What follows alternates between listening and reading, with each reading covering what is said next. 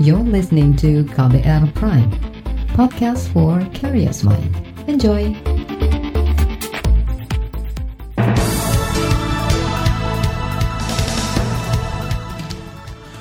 Selamat pagi saudara, senang sekali kami bisa menjumpai Anda melalui program Buletin Pagi edisi Selasa 25 Agustus 2020 bersama saya Ardi Rusyadi. Informasi yang kami hadirkan pagi ini di antaranya Ketua KPK jalani sidang etik Dewan Pengawas, pemerintah pastikan 30 juta vaksin COVID-19 tersedia akhir tahun nanti, puluhan anak di Balikpapan terpapar corona dari orang tuanya. Inilah Buletin Pagi selengkapnya. Terbaru di Buletin Pagi. Informasi pertama kami sampaikan Dewan Pengawas KPK hari ini akan menggelar sidang terkait dugaan laporan pelanggaran etik yang dilakukan Ketua Lembaga Antirasuah Firly Bahuri dan dua pegawai lainnya. Persidangan rencananya dilakukan tertutup, sedangkan putusannya akan disampaikan secara terbuka.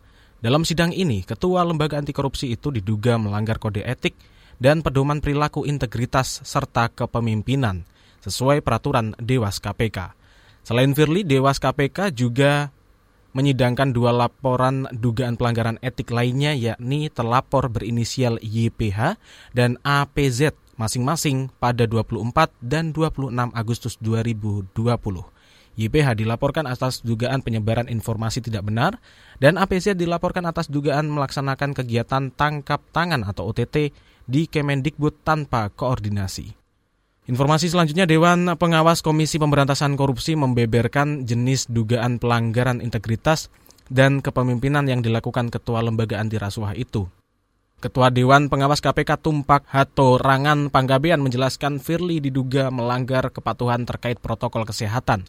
Kedua, soal gaya hidup mewah dengan menggunakan sebuah helikopter milik perusahaan swasta dengan kode PKJTO untuk kepentingan pribadi yakni melakukan ziarah. Sidang etik atas dugaan pelanggaran etik dan pedoman perilaku atas nama terperiksa FB yaitu yang berhubungan dengan perjalanan pribadi dengan penggunaan helikopter. Dalam proses penanganan laporan, Dewas KPK telah melakukan klarifikasi dan memintai keterangan sejumlah pihak termasuk Firly maupun penyedia jasa helikopter. Semua data keterangan dan klarifikasi itu dikumpulkan untuk kemudian dilakukan pemeriksaan pendahuluan. Selanjutnya, Komisi Pemberantasan Korupsi KPK memastikan para terlapor dugaan pelanggaran kode etik akan menghadiri sidang etik itu. Juru bicara KPK Ali Fikri menyebut lembaga antirasuah ini memahami bahwa tujuan penegakan etik guna menjaga KPK dan nilai-nilai etik yang berlaku saat ini. Ia menegaskan bahwa nilai-nilai tersebut harus dipatuhi baik oleh pimpinan maupun seluruh pegawai KPK. Terkait dengan sidang etik ini tentu siapa pun yang menjadi terlapor dugaan pelanggaran kode etik baik itu pimpinan maupun pegawai KPK berkomitmen akan hadir uh, siap memenuhi panggilan proses-proses klarifikasi dan juga pemeriksaan oleh Dewan Pengawas KPK. Mengingat salah satu tugas dari Dewan Pengawas KPK sesuai pasal 37 huruf B besar Undang-Undang KPK adalah menerima dan menindaklanjuti laporan masyarakat mengenai dugaan pelanggaran kode etik pimpinan maupun pegawai KPK. Juru bicara KPK Ali Fikri memastikan lembaganya akan mengikuti segala ketentuan yang berlaku dan juga menjaga serta menghormati proses sidang yang sedang berjalan. Sementara itu, Koordinator Masyarakat Anti Korupsi Indonesia atau MAKI Boyamin Saiman mengaku dipanggil ke sidang etik. Ketua Komisi Pemberantasan Korupsi Firly Bahuri dalam hal ini disampaikan oleh Boyamin adalah orang yang melaporkan Firly ke Dewan Pengawas KPK karena menaiki helikopter saat pergi ke kampung halamannya. Boyamin pun memastikan dirinya akan menghadiri persidangan. Saya dipanggil Dewan Pengawas KPK untuk menjadi saksi atas dugaan pelanggaran kode etik Pak Firly Ketua KPK terkait dengan naik kendaraan udara helikopter dan di situ ada dugaan sesuai pelaporan saya dulu adalah bergaya hidup mewah. Sementara kode etik pimpinan KPK dilarang bergaya hidup mewah. Koordinator Maki Boyamin Saiman mengklaim sudah menyerahkan bukti-bukti pelaporan kepada Dewas KPK saat diperiksa beberapa waktu lalu. Tapi ia enggan menjelaskan bukti-bukti apa saja yang sudah diserahkan ke Dewas KPK sebagai wujud menghormati proses persidangan. Sidang pemeriksaan dugaan pelanggaran kode etik atas Ketua KPK Firly Bahuri hari ini dinilai menjadi ujian berat bagi Dewan Pengawas KPK Anggota Transparansi Internasional Indonesia TII Natalia Subagio mengatakan sidang etik akan menjadi ajang pertaruhan kredibilitas Dewas dalam mengevaluasi kinerja pimpinan KPK. Natalia meminta Dewas bersikap hati-hati, objektif, dan tidak emosional dalam memutuskan hasil sidang. Ya, ini suatu ujian bagi Dewas dan juga akan menentukan sejauh mana publik masih dapat bisa percaya pada kredibilitas KPK sebagai lembaga dan juga integritas para pemimpinnya, termasuk Dewas, bukan sekedar komisionernya. So, kasihan Pak Tumpak dan teman-teman di Dewas sebetulnya ini ujian berat. Ya mungkin nggak terlalu berat, tapi ini bagaimanapun juga tetap ujian. Anggota Transparansi Internasional Indonesia atau TII Natalia Subagio menambahkan sejatinya dugaan pelanggaran kode etik tidak terlalu sulit dituntaskan kalau Dewan Pengawas KPK memegang teguh prinsip dan fokus pada masalah etik. Tapi Natalia khawatir sidang etik justru akan jadi rumit bila Dewas juga mempertimbangkan berbagai faktor lain yang tidak relevan. Kita ke informasi mancanegara. Badan Pengawas Makanan dan Obat-obatan Amerika Serikat FDA mengizinkan penggunaan plasma darah dari pasien sembuh COVID-19 sebagai upaya pengobatan penyakit itu. Izin itu disampaikan FDA sehari setelah Presiden Donald Trump menyalahkan FDA karena menghalangi peluncuran vaksin dan obat COVID-19 demi alasan politik.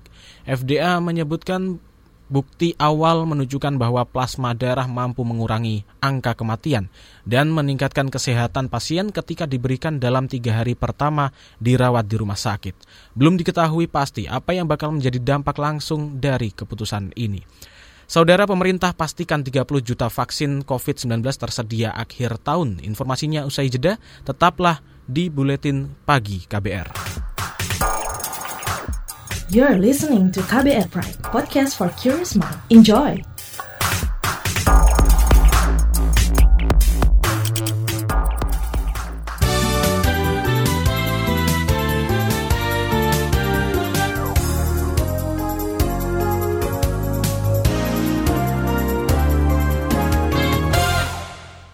Informasi pada segmen ini kami mulai dari persediaan ratusan juta vaksin COVID dari luar negeri yang rencananya akan memasuki Indonesia. Pemerintah sudah menyepakati bahwa penyediaan ratusan juta vaksin COVID dari luar negeri untuk pemenuhan kebutuhan jangka pendek.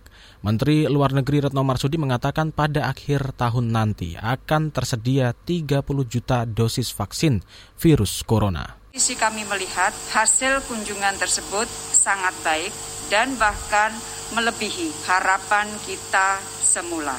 Nah, satu hal yang ingin kami sampaikan adalah wrap up yang terkait dengan upaya untuk mensecure pemenuhan vaksin untuk jangka pendek terutama untuk tahun 2020 dan 2021. Menteri Luar Negeri Retno Marsudi menambahkan Indonesia pada tahun depan juga akan mendapat lagi 80 sampai 130 juta dosis vaksin COVID-19. Di kuartal kedua sampai keempat tahun depan jumlah vaksinnya akan mencapai 210 juta dosis. Sementara itu, informasi lainnya 900-an prajurit TNI Angkatan Darat di seluruh Indonesia dinyatakan positif COVID-19. Dari jumlah itu, menurut Kepala Staf TNI Angkatan Darat Andika Perkasa, ada 21 prajurit yang meninggal. Andika mengatakan tingginya angka positif harus diimbangi upaya ekstra untuk menangani virus corona. Ia membeberkan sejumlah tantangan TNI AD dalam memerangi corona, salah satunya menyediakan lab tes PCR. Kami berharap 20 lab di 20 rumah sakit ini dapat segera, tapi segeranya kan kita tidak tahu. Dan ini lab import. Kemudian dua adalah dari BPPT. Kami juga telah mendapatkan kabar bahwa Menteri Pertahanan sudah sign kontrak untuk pengadaan 17 lab PCR lagi untuk 17 rumah sakit kami, Angkatan Darat. Tapi itu semua kan nggak tahu kapan. Mungkin September saya perkirakan. Kasat Andika Perkasa merinci dari 68 rumah sakit TNI saat ini baru ada 6 laboratorium PCR. Andika berharap BNPB dan Kementerian Pertahanan segera menambah jumlah laboratorium PCR itu. Sementara itu, Satuan Tugas Penanganan COVID-19 memastikan jumlah kasus baru positif di Indonesia terus bertambah. Berdasarkan data hingga kemarin siang, ada 1.800-an kasus baru COVID. Dengan penambahan pasien itu, maka total sudah ada lebih dari 155 ribu kasus COVID-19 di Indonesia. Sepanjang hari kemarin juga ada penambahan 3.500-an pasien yang sembuh sehingga saat ini sudah ada lebih dari 111 ribu pasien COVID yang sembuh dan tidak lagi terinfeksi virus corona. Adapun total kematian hingga kemarin siang mencapai 6.700-an jiwa. Sementara itu kasus kekerasan terhadap anak di Indonesia terus meningkat. Menurut catatan Kementerian Pemberdayaan Perempuan dan Perlindungan Anak, dalam sebulan terakhir, kasus kekerasan terhadap anak meningkat lebih dari 600-an kasus, menjadi total 4.800-an kasus dalam tahun ini. Deputi Perlindungan Anak Nahar mengatakan ribuan kasus itu didominasi angka kekerasan seksual terhadap anak bahwa kasus kekerasan ini uh, termasuk kasus kekerasan yang disuplai oleh uh, Jawa Timur, Kalimantan Timur, Sultra, dan Malut itu ada 400 4.116. Jadi uh, ini per tanggal 31 Juli. Per tanggal 18 itu angkanya sudah naik lagi menjadi 4.833. Jadi ini data yang masuk ke Simponi dan itu ada dari seluruh wilayah Indonesia dari 3.000-an lebih lembaga Deputi Perlindungan Anak di Kementerian Pemberdayaan Perempuan Nahar menambahkan angka kasus kekerasan pada anak setiap tahun terus mengkhawatirkan. Berdasarkan survei kementerian, dua dari tiga anak Indonesia mengalami kekerasan secara verbal maupun fisik. Beralih ke berita ekonomi, pemerintah kemarin mulai menyalurkan bantuan modal kerja bagi 12 juta pelaku usaha mikro kecil menengah UMKM. Presiden Jokowi mengatakan untuk tahap awal sekitar 1 juta UKM akan mendapat dana tunai itu secara langsung. Diberikan kepada 1 juta usaha mikro kecil. Kita harapkan nanti di akhir Agustus akan dibagi kepada empat setengah juta usaha mikro kecil. Akhir September 9,1 juta dan setelah itu 12 juta. Presiden Jokowi menambahkan dana bantuan modal kerja itu nantinya akan ditransfer melalui bank langsung ke rekening UMKM penerima. Jokowi berharap bantuan dana itu bisa digunakan sebaik mungkin terutama di saat pandemi COVID-19 yang menghambat kegiatan ekonomi di pelbagai sektor. Realisasi anggaran pemulihan ekonomi nasional atau PEN semakin terus meningkat. Menko Perekonomian Erlangga Hartarto mengatakan dari total pagu anggaran 695 triliun hingga kemarin sudah lebih dari 173 triliun yang direalisasikan. Menko Perekonomian Erlangga Hartarto menambahkan perekonomian bisa terus bangkit dengan adanya penyerapan anggaran pemulihan ekonomi nasional yang optimal. Sebelumnya Presiden Jokowi meminta para menteri bidang perekonomian untuk terus mendongkrak pertumbuhan ekonomi nasional di kuartal 3. Kunci pertumbuhan menurut Jokowi yaitu meningkatkan konsumsi domestik. Selain itu, jangan sampai pertumbuhan investasi minus lebih dari 5%. Beralih ke Berita olahraga, turnamen sepak bola Liga Champions Asia 2020 akan menggunakan teknologi video assistant referee atau VAR. Teknologi ini membantu wasit mengambil keputusan. Badan Sepak Bola Asia AFC mengumumkan penggunaan teknologi VAR hanya untuk babak perempat final dan seterusnya. Teknologi VAR sebelumnya pernah dipakai saat kompetisi sepak bola Piala Asia tahun lalu di Uni Emirat Arab.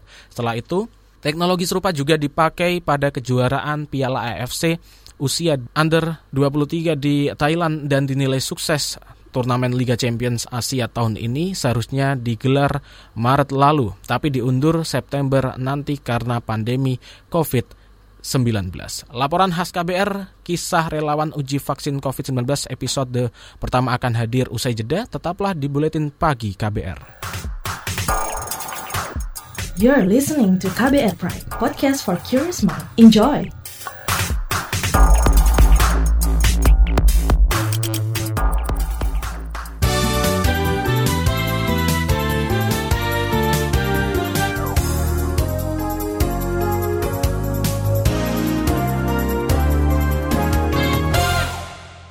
Terima kasih Anda masih bersama dengan kami dalam Buletin Pagi KBR. Seribuan warga Bandung, Jawa Barat mendaftar sebagai relawan uji klinis vaksin COVID-19 Sinovac. Ratusan di antaranya telah disuntik perdana pada 11 Agustus lalu. Kondisi mereka bakal dipantau intensif selama enam bulan ke depan. Jurnalis KBR Valda Kustarini berbincang dengan beberapa relawan yang terlibat. Berikut kisah episode pertama kemarin alhamdulillah sampai dari pertama divaksin sampai sekarang tidak terjadi sesuatu, tidak ada pembengkakan juga. Rohaini tak merasakan keluhan apa pun selama sepekan usai disuntik vaksin Sinovac. Ia merupakan satu dari ratusan relawan uji klinis fase 3 kandidat vaksin COVID-19 bikinan Tiongkok itu. Selama enam bulan ke depan, Rohaini harus rutin mencatat kondisi tubuhnya untuk mempermudah pemantauan. Warga Bandung, Jawa Barat ini mengaku tak ada arahan khusus dalam aktivitas kesehariannya. Kalau makan yang bergizi harus ya, karena sekarang lagi COVID. Nggak ada sih sebenarnya nggak ada larangan sama sekali. Mau makan apa juga nggak ada sama sekali. Bebas aja. Kalau olahraga itu tergantung orangnya. Kita mesti olahraga karena kan harus selalu sehat gitu kan. harus selalu sehat, tapi nggak ada aturan apa-apa waktu kemarin melindungi nggak ada aturan sama sekali. Harus begitu harus begini enggak. Hanya harus tetap physical distancing pakai masker itu aja. Dalam waktu dekat, Rohaini dan relawan lain akan mendapat suntikan vaksin dosis kedua. Tempatnya di Rumah Sakit Pendidikan Universitas Pajajaran, sama seperti saat injeksi pertama dua kali. Jadi yang pertama kan kemarin, dua minggu setelah penyuntik eh, vaksin kemarin, nanti vaksin kedua ada vaksin keduanya di Fakultas Kedokteran ya di Unpadnya. Jadi yang pertama kan kemarin. Nah sekarang dua dua minggu setelah vaksin kemarin, nanti pas ke sana lagi vaksin lagi. Perempuan 33 tahun ini bersedia menjadi relawan vaksin atas ajakan saudaranya yang bekerja di salah satu apotik di Bandung. Rohaini lantas mendaftar bersama dua adiknya dan diterima. Selaku relawan, mereka tak masalah hanya mendapat uang transport Rp200.000 per orang. Hanya pengganti transportasi sama luang aja, itu aja. 200 ribu per orang. Jaminannya udah diasuransiin ya kalau terjadi sesuatu. Kalau misalnya sakit, udah segala nanti ditanggungnya sama pihak kedokteran. Tak ada rasa khawatir di benak Rohaini dalam menjalani uji vaksin. Pasalnya, ini bukan pengalaman pertamanya menjadi relawan. Dulu pernah sekali waktu flu babi ya kalau salah flu burung flu babi ya bedanya sama yang sekarang dulu itu sampai ada tes X-ray kalau nggak salah. Kalau nggak sekarang nggak ada. Kalau dulu itu sangat check upnya banyak gitu. Kalau sekarang check upnya nggak nggak begitu ini. Sama sama metodenya disuntikan juga. Kesediaan mengajukan diri sebagai relawan vaksin sempat mendapat komentar negatif dari tetangga. Banyak warga di lingkungannya yang termakan kabar menyesatkan atau infodemi tentang vaksin. Rohaini memilih tak ambil pusing karena keputusannya mendapat dukungan penuh dari keluarga. Ah, cuekin aja. nggak diambil pusing. Malah ada yang bilang itu vaksin corona diambil dari darah yang punya corona loh gitu. Orang adik aku juga kan adik ipar aku tuh kerjanya di Bio Farma dia tahu apa yang dikerjakan gitu. Otomatis bakal ngasih tahu sama kita juga ini ini loh yang dikasih. Nggak kayak apa yang dikatakan orang. Makanya ah normal-normal aja lah biasain aja. Nggak didengar apa omongan yang lain gitu. Anggap hoax aja. Iya mereka nggak ngerti tapi kita udah jelasin kasih pengertian tapi malah uh, udahlah daripada dibahas perpanjang bukannya bikin dingin malah nambah panas kan nggak enak. Harapan agar pandemi segera berakhir juga menjadi motivasi Rohaini terlibat dalam uji vaksin. Ia ingin kondisi bisa normal seperti dulu sehingga bisa bekerja kembali. Situasi panggebluk membuatnya kehilangan pekerjaan. Sehari-hari biasa swasta aja biasa gitu kerja kayak di laundry gitu. Tapi kan terus karena covid itu kan laundrynya kan saya mah ambilnya bagian hotel kan. Karena hotelnya off semua jadi tutup aja semua kerjaannya nggak ada yang ini. Kerasa banget udah itu mah.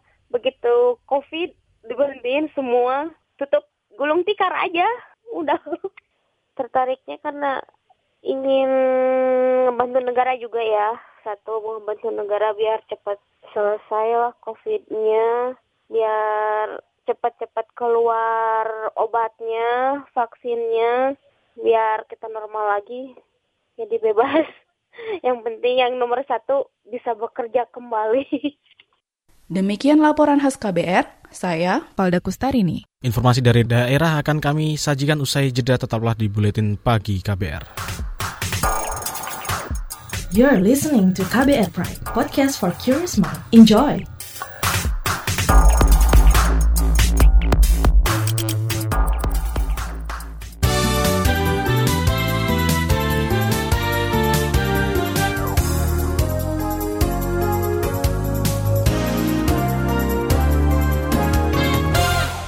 Inilah bagian akhir buletin pagi KBR. Lebih dari 60 anak di Balikpapan, Kalimantan Timur dinyatakan positif COVID-19.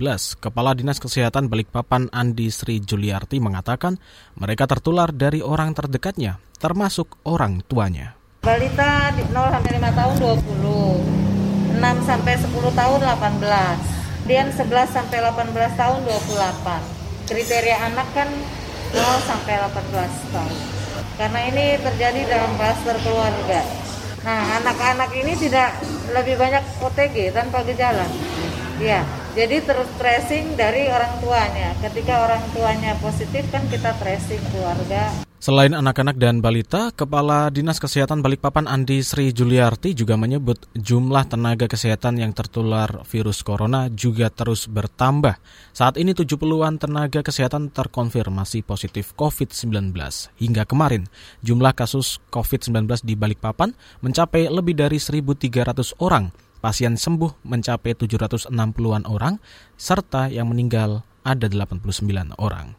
Pemerintah Kota Jayapura, Papua menutup 250 kamar hotel yang selama ini digunakan sebagai tempat isolasi dan karantina terpusat untuk pasien COVID-19. Ketua Satgas Penanganan COVID-19 Jayapura Rustan Saru mengatakan penutupan dilakukan karena penyebaran kasus COVID terus berkurang. Kita pemerintah kota menutup Hotel Sahid. Hotel Sahid ini sudah kita gunakan mulai tanggal 12 Mei 2020 yang lalu sampai dengan 20 Agustus 2020. Kalau kita hitung-hitung hari, ya kurang lebih tiga bulan penuh kita gunakan ini. Ketua Satgas Penanganan COVID-19 Jayapura Rustan Saru menambahkan bulan depan diperkirakan adaptasi kenormalan baru sudah siap diberlakukan di ibu kota Papua itu. Data dari Pemprov Papua menunjukkan hingga awal pekan ini jumlah kasus positif virus corona di Jayapura mencapai 2000-an orang.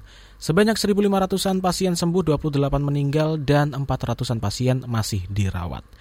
Sementara itu, Informasi dari Bali sejak kunjungan wisatawan domestik ke Bali dibuka pada 20 Juli lalu, jumlah wisatawan domestik maupun mancanegara terus bertambah.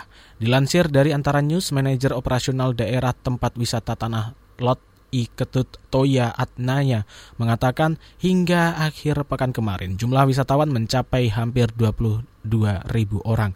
Jumlah itu termasuk 600-an 650-an wisatawan mancanegara asal Australia dan Eropa. Kebanyakan dari wisatawan mancanegara itu memang sudah lama tinggal di Pulau Dewata. Di Kabupaten Tabanan, selain ke Tanah Lot, wisatawan juga ramai berkunjung ke objek wisata Alas Kedaton di Desa Kukuh. Protokol kesehatan pencegahan COVID-19 diberlakukan ketat pemerintah Provinsi Bali dan saat ini pihaknya masih terus berkoordinasi dengan pemerintah pusat untuk menentukan jadwal pembukaannya. Informasi tadi menutup jumpa kita di buletin pagi hari ini. Pantau juga informasi terbaru melalui kabar baru, melalui website kbr.id, Twitter kami di @beritaKBR serta podcast melalui kbrprime.id. Akhirnya saya Ardi Rosyadi bersama tim yang bertugas undur diri. Salam.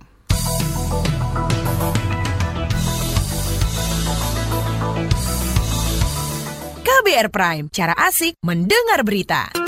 KBR Prime, podcast for curious mind.